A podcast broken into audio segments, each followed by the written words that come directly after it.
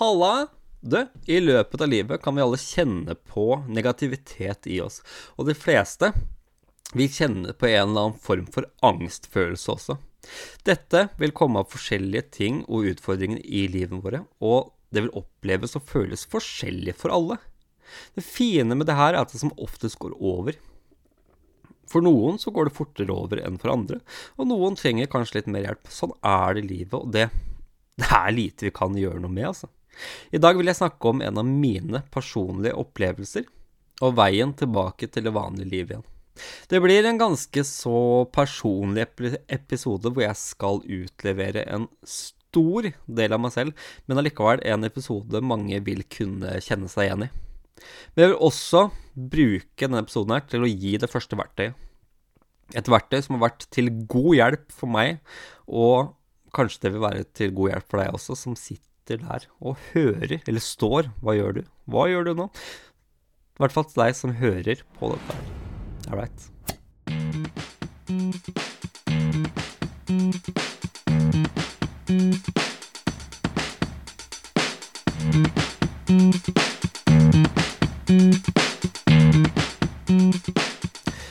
For en del år siden så prøvde jeg og kona å lage barn. Vi holdt på med det i et års tid uten at det skjedde noe, så vi bestemte oss for å, å sjekke ut om det er noe som ikke stemmer, eller om vi bare hadde vært uheldig. Etter mye om og men så fant de ut at det var et par ting som gjorde det vanskelig for oss å få barn. Jeg skal ikke sitte her nå og snakke om veien til barn, det er ikke det dette skal handle om, men det er en ting jeg synes er viktig å vite noe om i forhold til, til konteksten i budskapet mitt her. Vi, eh, vi blei etter hvert sendt til Rikshospitalet for å sette i gang med IVF, eller sånn prøverør, som jeg kaller det. Og det varte, og det rakk, og det varte, og det, og det, var, og, og det holdt på. Det tok, tok, veldig lang tid, da, uten å, å ha no, noe som helst å vise til etterpå. Jeg vet ikke om du hører det, men det er, eh, det er kaldt ute, og jeg er litt tett nesa. Kanskje en forkjølelse som kommer. men etter hvert så kjente begge to på at eh, på, på, på, Vi kjente på psyken, da, at dette var veldig mye å ta innover oss. Så vi bestemte oss for å snakke med en, en terapeut og prøve privat behandling. Og det, det var noe Det var noe helt annet, det. Stedet vi kom til, var innbydende. Folka, de var hyggelige og tok seg god tid til oss. Og legen, han fortalte nøyaktig hva som var galt, og nøyaktig hva som skulle til for å klare å få barn. Og guri meg, for en lettelse, ikke sant? Så der satt den, da. På det første forsøket. Vi hadde brukt var det tre eller fire forsøk på Rikshospitalet uten noen ting og første forsøk på privatklinikk, så satt det. Kun fordi at legen han tok seg god tid til å snakke med oss og undersøke alt. Og det, altså, trenger ikke å si det engang. Det var en utrolig lettelse, men også første gang på lenge i hvert fall jeg kjente på hvor slitsomt alt hadde vært. Sånn, sånn tidsmessig så hadde det tatt tre år, tre og et halvt år, kanskje nærmere fire år fra vi begynte med prøverør, til første satt på privatklinikken. All right, så fast forward. Alt var velstand. Vi hadde gode jobber, vi hadde romslig leilighet, vi hadde ny bil, The Works. Barnet kom, og alt virka veldig, veldig godt. Jeg var på sykehuset hele veien med dem, og vi dro hjem etter tre dager. Litt etter litt begynte jeg å merke at ikke alt var helt som det skulle være. Kona hun var mye sliten, altså naturlig nok, men hun trengte, eh, trengte litt mer tid for seg sjøl. Lite visste jeg da at det var snakk om en fødselsdepresjon. Men altså, ting fungerte. Jeg elsker kona mi. Vi har vært sammen nå i elleve år, tenkte jeg. Og trengte hun noen minutter for seg selv, så skulle hun selvfølgelig få det. Null stress. No stress at all. Men jeg merka ikke at det blei en ekstra belastning for meg også. Jeg var ikke klar over at jeg bekymra meg over hun på den måten, og hvordan det ville gå. Altså når vi snakker om fødselsdepresjon, da. Men alt letta liksom etter hvert. Det var, det var skikkelig digg, faktisk. Det var det. Men da, da kjente jeg det. Jeg slappa igjen for første gang. Senka skuldra såpass mye at alle tanker og følelser fikk veldig mye plass. Jeg passa på å koste alt under teppet, for nå, nå, skulle alt bli så fint, ikke sant. Og der, der fikk jeg jaggu meg en liten fødselsdepresjon også, gitt. Jeg kan ikke si liten fødselsdepresjon, vet du. Det kan ikke det. Det var en fødselsdepresjon. Jeg må, jeg må ikke, ikke, nedgradere dette her. Det var en fødselsdepresjon, og der fikk jeg den. Jeg skjønte, skjønte heller ikke da at det var fødselsdepresjon det snakka om. Eh, da, da jeg, før jeg snakka med en kompis om det sjøl. Og da skudde alle lysa seg på. Bare pling, pling, pling, pling, pling, pling, pling, pling. Alle lysa på! Og fytti dæven, var det det det var? Ja, det, det var det. Det kan jeg love deg. Det, det var det det var. Men jeg, jeg kom meg gjennom det. Fødselsdepresjonen her, den, den, den var nok ikke så stor. Så jeg kunne på en måte bruke tida til hjelp med å måte jobbe meg tilbake til familielivet igjen. Og vi begynte å leve livet som en helt vanlig lykkelig familie. Korona kom og nesten gikk. Og så begynte vi å tenke på at vi kanskje hadde lyst på et nytt barn, da. For det Ett barn er veldig, veldig hyggelig, men man, man får på en måte lyst på lyst på én til. Og for oss selv også, men, men, men også litt for at eldstemann skulle ha opplevelsen av å ha et søsken, i et samhold, når vi blir borte, eller å dele livet altså, bare kunne sitte og snakke, snakke, dritt om oss som foreldre også. Jeg tror kanskje mange trenger den der litt, jeg. Ja. Men vi så på dette som noe veldig hyggelig, og men den fødselsdepresjonen som hadde vært, den, den, den lå liksom og lurte i tankene. Vi snakka mye om det, jeg og kona oss imellom, men vi tok kontakt med terapeuten vi snakka med under første prøveforsøk. Og så fant vi ut da til slutt at det er hjelp å få når det kommer til fødselsdepresjon. Vi, vi valgte selvfølgelig den samme privatklinikken vi hadde brukt før. Og igjen, da, på første forsøket så satt den jaggu igjen. Det er helt rått. Lykke, glede, full pakke. Alt var en sånn ordentlig opptur. Jeg jobba på skole på den tida og hadde hjemmeundervisning, som vi jo hadde på den tida. Korona, yes. Når man driver med prøverør, så får man mulighet til å ta tidlig ultralyd da, for å sjekke ståa. Så kona dro, dro på den aleine. Korona, ikke sant. Jeg kunne, kunne, kunne ikke være med. Så jeg hadde snakka med kollegaene mine som jeg jobba med den dagen, under hjemmeundervisninga, eh, sånn at jeg kunne gå unna svaret når, når kona skulle ringe meg. Og etter timen på klinikken så ringte hun. Og jeg fikk telefonen som vanlig. Hun var liksom litt, litt rar i stemmen. Jeg tenkte mye, og jeg håpa virkelig at dette her hadde gått bra. At hun fant hjertelyden som man var ute etter å finne det. Så jeg fant ikke noe annen mulighet enn å bare spørre helt direkte. Det, det er hjerteslag. Det er hjerteslag, det. Det er god stemning her nå. Det var stille i to sekunder før kona trekker pusten og sier eh, Det er ikke ett hjerteslag, og så stillhet. Full stillhet. Kaos oppi huet, men stillhet i telefonen. Det er to. og hele verden min, den, den sank sammen rundt meg. Det er kanskje litt rart. Man skulle kanskje tro at det var sånn jubel fra ende til annen, men det var egentlig, sånn helt ærlig, et sånn ørlite slag midt i ansiktet. Så jeg kom på en måte aldri tilbake til den undervisninga jeg egentlig satt i, for, for, å si det sånn. Eh, så jeg sendte en melding til en av kollegene mine og fortalte ståa. Og det som er litt artig her nå, sånn i ettertid, når alt har lagt seg, da, er at vi kollegaene satt i et, et eget chatrom Chatrom. I et eget chatrom rum. Jeg kommer ikke unna den. I et eget chatrom, der var den. Og snakka når elevene jobba eh, med det de, de, skulle jobbe med. Og da satt de og tulla litt med dette, skjønner du. Litt sånn Kanskje du får beskjed om at det er tvillinger? og jeg bare Nei, du, det, det tror jeg faktisk ikke jeg takler. Og så er det akkurat det som skjer! Hva er oddsen for det, liksom? Herregud. Ja, jeg brukte i hvert fall lang tid på å organisere tankene mine rundt, rundt det faktum at det skulle komme tvillinger her, da. Men vi hadde akkurat kjøpt nytt hus. Vi flytta inn eh, noen måneder før tvillingene eh, hadde ter termin. Vi kjøpte en ny bil som var stor nok til at alle skulle få plass, så vi hadde liksom ting på stell da. Og tida gikk, og det var, det var mye hygge. Det var ikke bare negativitet. Altså, det var ikke det. Var mye hygge også. Men jeg klarte liksom ikke å få hodet mitt til å glede seg til tvillinger av en eller annen grunn. Kanskje jeg husker hvordan det hadde vært med første gang, eh, førstemannen. Eh, for, altså, med én også. Du har noen netter og kvelder også, hvor du river deg litt i håret og tenkte hvordan det skal bli med tvillinger.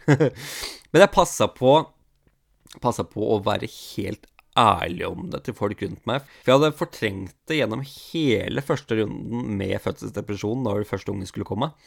Uh, så jeg passa på å å fortelle det til så mange som mulig.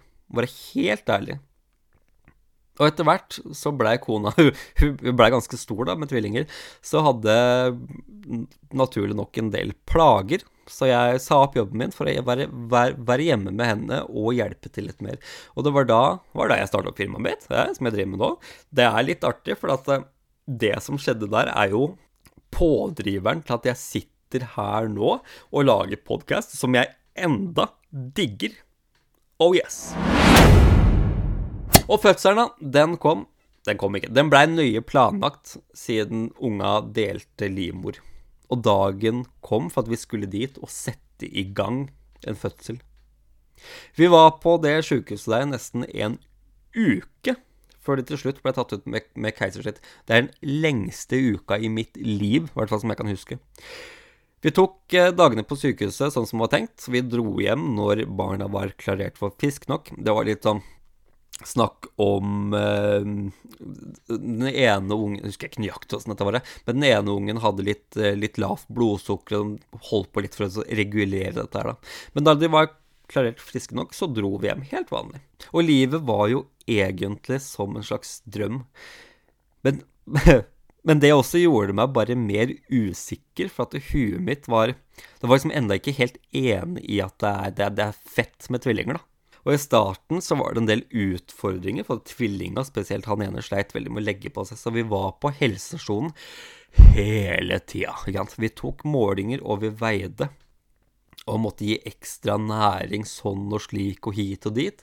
Men det var på en måte noe deilig over det også, for at kona hadde fått så god hjelp med å ikke havne i ny fødselsdepresjon. Og det funka. Det var skikkelig digg. Men igjen, hodet mitt det klarte ikke å tenke at tvillinger er veldig bra. Og økende stress rundt omstendigheter med tvillingene, det gjorde at jeg blei gradvis mer og mer deprimert. Og nok en gang så altså, skjønte jeg det ikke, ikke sant. Jeg skjønte det ikke. For jeg var, jeg var helt sikker på at jeg var ferdig med de greiene der. Så det kom jo en dag, da, midt i kolik med tvillinger. Se for deg, da, gud bedre kolik med én. Kolik med tvillinger, altså. Men det kom en dag hvor kona tenkte at nå, nå, må vi snakke om det. Som sagt så hadde ikke jeg valgt å lagt skjul på noe av det.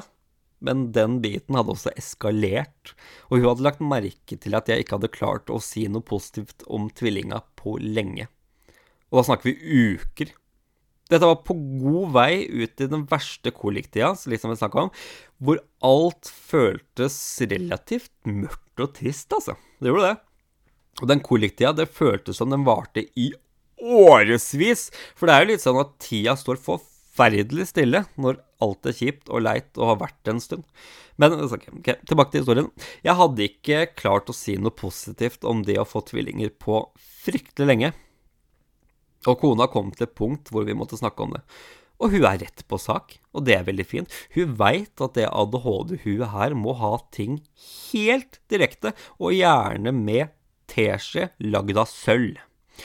Hun sa rett og slett kanskje, kanskje du skal snakke om dette her med noen profesjonelle? Hm. Det satte en liten, liten støkk i meg. For jeg visste, visste, at jeg hadde det kjipt, men jeg hadde ikke innsett at det hadde tatt sånn av i det hele tatt. Og når jeg snakker om det med andre, så var jo tanken for de fleste at ja, nå, nå kødder han, og så lo vi det bort, ikke sant. Så måtte jeg bruke litt tid på bare prosessere det kona hadde sagt, da. Og det ga jo mening, det også. Det er jo klart det ga mening. Altså, jeg innså, innså at jeg må, måtte, måtte, gjøre noe med det, men, men jeg var ikke sikker på, på hva jeg kunne gjøre. Så jeg begynte på scratch, sånn som jeg pleier å gjøre, og jeg leita fram på nett. Jeg leita etter alt jeg kunne av forskninger og artikler som handla om fødselsdepresjon, og hva man kan gjøre selv for å i det minste ikke bli noe verre av det. Og det var da jeg fant det. Det var helt enkelt, det var fint, og det krevde ikke mer enn to minutter og en kaffe. Trenger forstått ikke kaffen heller, men jeg fant litt kos og trygghet da, i den kaffen tidlig om morgenen. For det var noen ordentlig tidlige kvelder. Å, gud bedre. Ok, så i innledninga så snakka jeg om et verktøy som har hjulpet meg.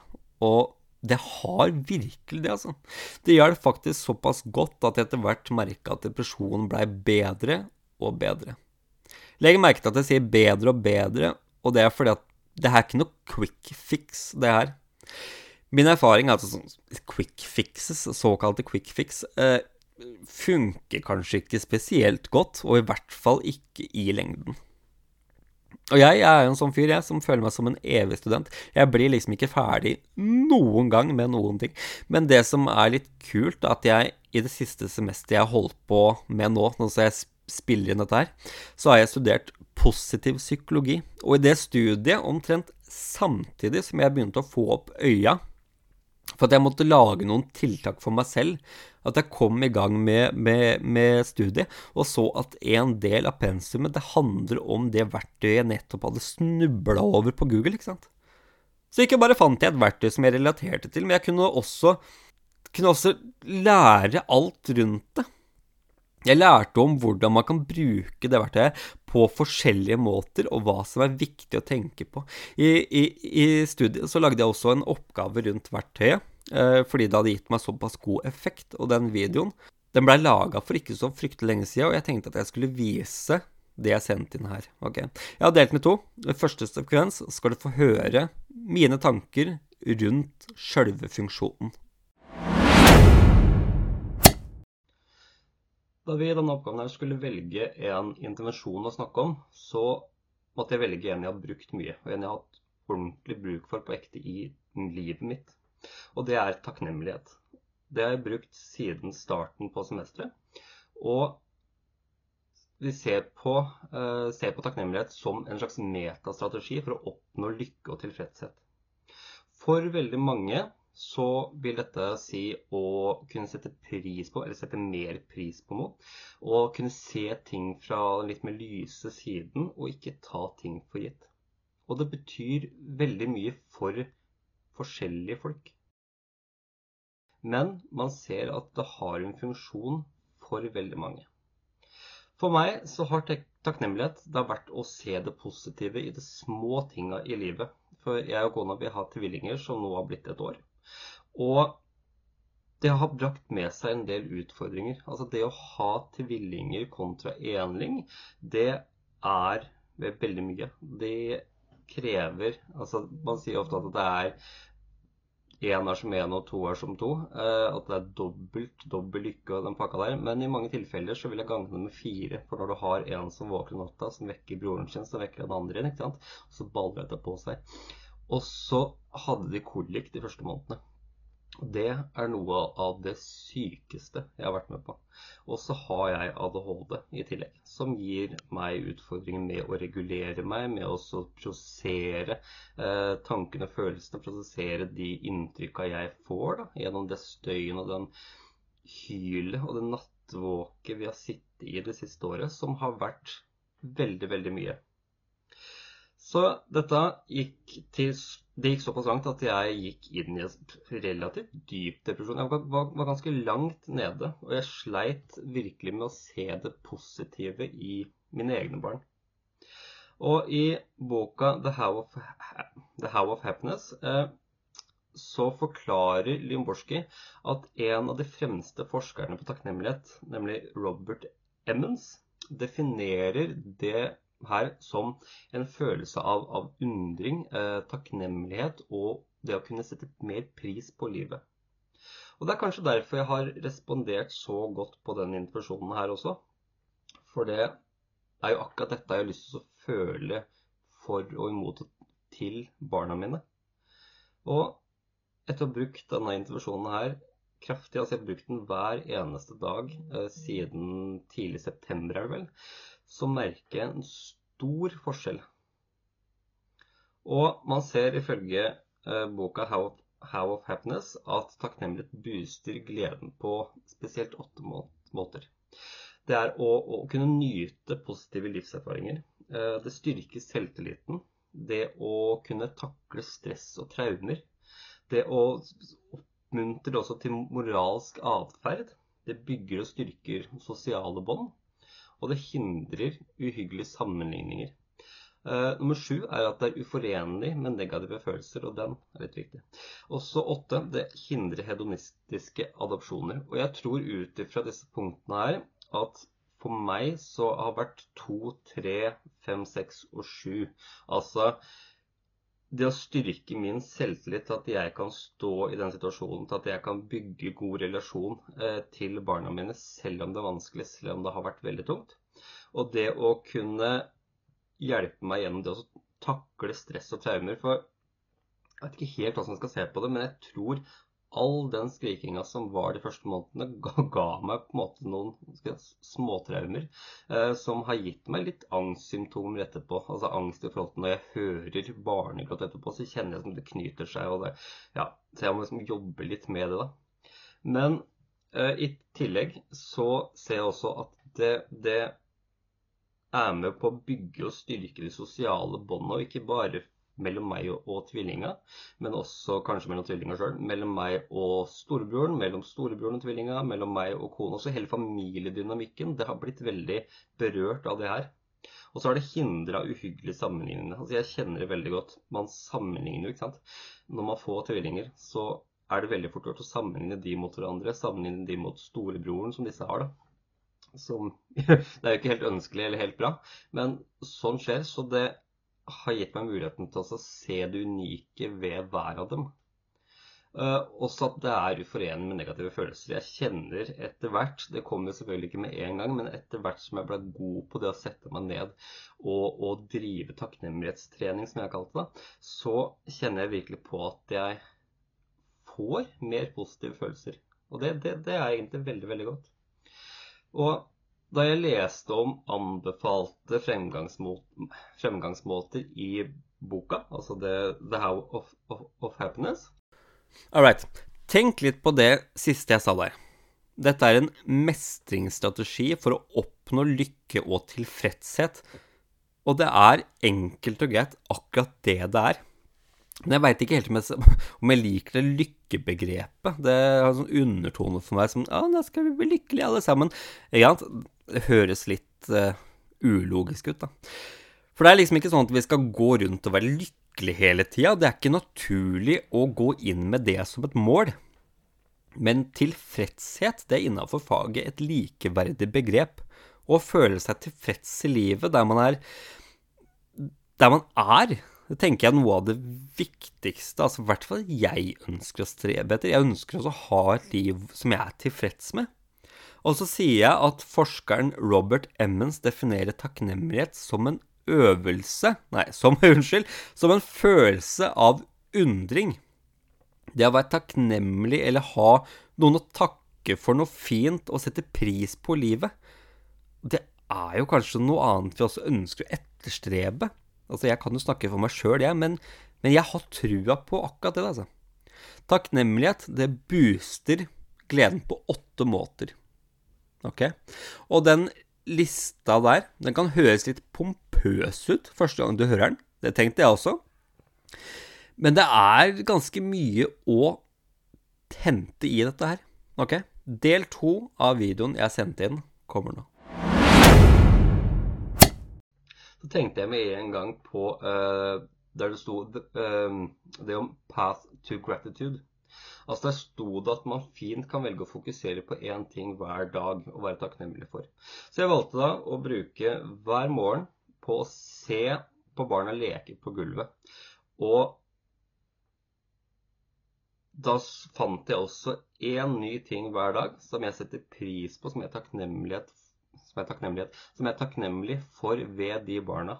Hver eneste dag. Én ny ting. Og det trengte ikke å være noen store tinga, men det var ofte de små tingene jeg fant som ga meg mest glede også. Og I tillegg så valgte jeg å skrive om dette på mine sosiale medier. For jeg har en, en sånn halvsuksessfull kanal på Instagram som jeg har brukt da, så jeg så det som en god metode, siden jeg får skrevet ned, får snakka med andre om det samtidig. Når jeg ser tilbake på de siste månedene hvor jeg virkelig har gått inn for å gjøre dette daglig, så har jeg gradvis klart å sette mer pris på barna våre og det, det nye familielivet vi har fått.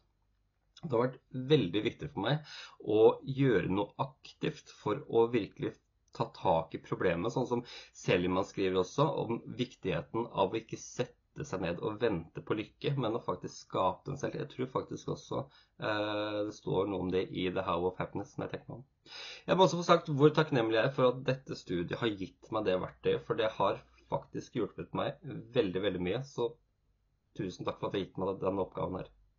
All right. Når jeg sier anbefalte fremgangsmåter, så mener jeg at det er noen punkter som er lurt å tenke på når det gjelder eh, takknemlighetstrening. Da. Og forskere har kommet fram til at disse punktene som er de viktige Det er nummer én. Da har du det fiffige ordet 'journaling', som jeg ikke liker å oversette til dagbok. Og journalføring, det er noe leger driver med her i Norge. Men hovedbudskapet i begrepet 'journaling' Altså det å skrive ned noe, det er noe som kan fungere for mange. Ok, Nummer to. Kan du lage en god rutine ut av det? Alright. Nummer tre. Å freshe opp metoden din innimellom. Nummer fire. Takknemlighet til eh, noen spesifikke folk. Nummer fem. Spontantakknemlighet. Den syns jeg er litt kul. Ok. Nummer én, da, som er det å skrive det ned. Vi begynner der. Mange liker å skrive, og mange liker eh, heller å skrive det som er vanskelig eller ubehagelig å snakke om. Istedenfor å sitte og snakke om det, så er det mye lettere for mange å, å skrive det, det, ned. Man trenger dermed ikke være så glad i det å skrive, men det kan være lettere. Derfor kan det være en idé å finne en tid på døgnet eller i uka der det passer deg best, og bare sette deg ned og skrive ned det du er takknemlig for.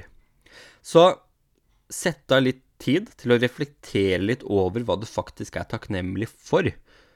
Så skal man prøve da å forhaste denne prosessen her, så vil de aller fleste skrive noe sånt som at ja, 'fin familie, friske, snille barn'.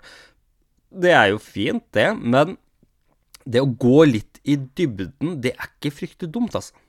Kanskje det er da du finner ting som du egentlig er takknemlig for, men som du kanskje tenker litt lite på i hverdagen. Enten det er ved deg selv eller noe annet i livet som, som gir glede. Okay? Så er du en av de personene som elsker å sette ned og skrive, så gjør gjerne det. Og er du en av de personene som, som ikke liker så godt å snakke om det, men heller da vil skrive ned noe, prøv det. ok? Nummer to er kan du lage en god rutine ut av det? Ja, det tror jeg du kan. ok? Men hva er det som passer best for oss? Ja, det er jo veldig forskjellig fra folk til folk.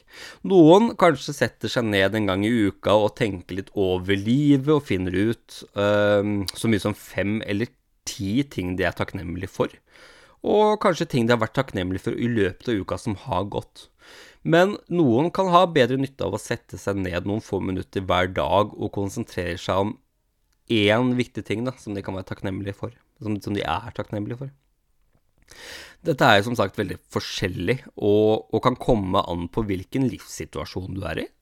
Eh, er du på et sted i livet der ting går veldig fint, men du kanskje har en tung jobb, eller annen sånn smågnager, så kan det kanskje være lurt da, å sette seg ned én gang i løpet av uka og finne det som har vært fint. Men er du i en fase der du er nedstemt av forskjellige årsaker, så kan det kanskje være mer hensiktsmessig å sette seg ned én gang hver dag og finne den ene, eller kanskje to tingene som gir deg glede. Ok? Så det handler litt om å finne en rutine som passer for deg, noe du kan hanskes med som det er hver dag, et tidspunkt, spesielt tidspunkt, hver dag som du veit at den har jeg til rådighet, der kan jeg sette meg ned og bare tenke litt. Eller om det er på slutten av uka på vei hjem fra jobb, f.eks. sitter i bilen eller går en tur, tenke litt om det. Eller om det er på kvelden etter at barn har lagt seg, kone har lagt seg, barn, mann har lagt seg, hvem nå enn du er. Uh, og bare sette seg ned litt og fundere litt på de tinga som har vært veldig fint, da. i løpet av uka. Så er nummer tre, det var det å freshe opp litt innimellom. At det er en viktig ting å gjøre. For når vi, når vi gjør den samme tingen ofte, så går det mer eller mindre automatisk etter hvert, ikke sant. Og det er ikke meninga Det er ikke det som er meninga med å drive med takknemlighet. Det skal liksom være en ting som får deg til å tenke litt, tenke etter de positive tinga i livet, og ikke sette deg ned og uh, skal jeg si, ja, ikke bare, bare, bare, sette deg ned og repetere en vane, for det, det, hjelper ikke. Så når du har funnet deg en metode eller, en rutine som fungerer, kanskje det er lurt, da, etter noen uker, å skrive ned takknemligheten din en gang. Eller fortelle noen om det. Snakke takknemlighet med andre. Liksom for å piffe opp litt, eller endre mønsteret du har skapt i hjernen din. Bare lite grann, så den kan bli litt overraska og tenke 'Ja, du, det er dette vi driver med, ja, stemmer det, var sånn det var'. Aha, ja, da gjør vi det, da. Og jeg sier fremdeles at en, en, fast rutine kan være lurt å lage, men ikke la den bli kjedelig og uten substans, ikke sant. Og da er det som det, det, blir liksom som, som, som, å se en film fem ganger på to dager. Du veit hva som kommer, og det stimulerer ikke noen verdens ting lenger. Sånn er det, altså. Fire. Å fortelle andre at du setter pris på dem. Dette er drithyggelig. Sånn er det, altså. Fortell noen andre at du setter pris på dem, for det vil jo skape en glede hos de også, og det er jo rimelig fett. Det vil jo både gi deg og den andre en glede der og da. Kanskje en ting som du vil huske på, kanskje en ting som de også vil huske på. Så da altså plukk opp telefonen, da. Ring eller send en hyggelig SMS. Eller kanskje du skal gjøre det ingen andre gjør lenger, og sende et brev. Nei da, bare kødd. Eller vent, jeg kødda ikke. Kom igjen, det blir fett. Ok. Fem. Spontan takknemlighet. Det tenker jeg kanskje er noe av det viktigste. All right? For det kan jo selvfølgelig være at dette her ikke er Altså at det med takknemlighetstrene, sette seg ned og være takknemlig, at det er noe som fungerer for deg. Kanskje, det, kanskje du har hørt meg her og nå og tenkt litt sånn meh. Det gjorde jeg, da. Første gangen jeg ble introdusert for dette. Så sånn mm, meh. Men ha det her i bakhuet. Det er ikke så dumt å være bevisst på hva du setter pris på i livet. Eller fortelle noen i livet at du setter pris på de. Så prøv da en gang iblant å fortelle noen i ditt liv at du faktisk setter pris på dem. Kanskje også slenge på en hvorfor. Og om de ikke gir deg noe, så skal jeg nesten kunne garantere at det i det minste gjør dagen eller timen deres noe bedre. Sånn er det, altså. Ok. Dette var en liten innsikt i takknemlighet. Så, så fortsetter historien min, da. Jeg var i fødselsdepresjonen som var kjip, og jeg visste ikke hvor jeg skulle begynne. Da fant jeg den metoden tenkte litt sånn eh, meh. Men morgen, morgen etter morgen så tenkte jeg mer og mer på det og fant ut at jeg, jeg skulle prøve. Jeg satt jo bare der allikevel. Unga mine har vært våkne som fem, og det har vært helt greit. Fire mange morgener, og tre. Å gud, det er så tidlig, det. Og da blir jo ikke positiviteten noe bedre heller, ikke sant. Dette kan vi. Hoi. Men jeg tenkte at jeg skulle prøve det. Så hver morgen da jeg våkna med tvillingene, tok jeg de ned på stua. Jeg har tvillinger, det har jeg kanskje glemt å si. Jeg har tvillinger, mm, de er ett år per dags dato. Tok dem ned på stua, skifta bleie der, for da har vi kontroll på begge, ikke sant. Kledde på, og, og så videre. Alt dette. Så lagde jeg meg en sjukt sterk kaffe, og satte meg ned i den diggeste stolen vi har, og bare så på at de leker. Og mens jeg drakk kaffen min, så fokuserte jeg på tre ting ved barnet jeg er takknemlig for. Nei, vent litt. Jeg fokuserte først på tre ting jeg liker ved dem. Og så bygde dette seg videre til takknemlighet da, da, jeg var klar for det. For det er viktig altså å gjøre dette på en måte som du er klar for. Og det fungerte! Å, fytti dæven! Og sånn, sånn oppsto takknemlighetskaffen. For jeg begynte å dele dette på Instagram, vet du, med, med ADHD-hodebrukeren der. Og det blei etter hvert en ganske viktig ting med min start på dagen. Så, så den rutina der, den holder jeg på enda. Selv om jeg ikke går sånn utrolig nøye til verks lenger som jeg gjorde da.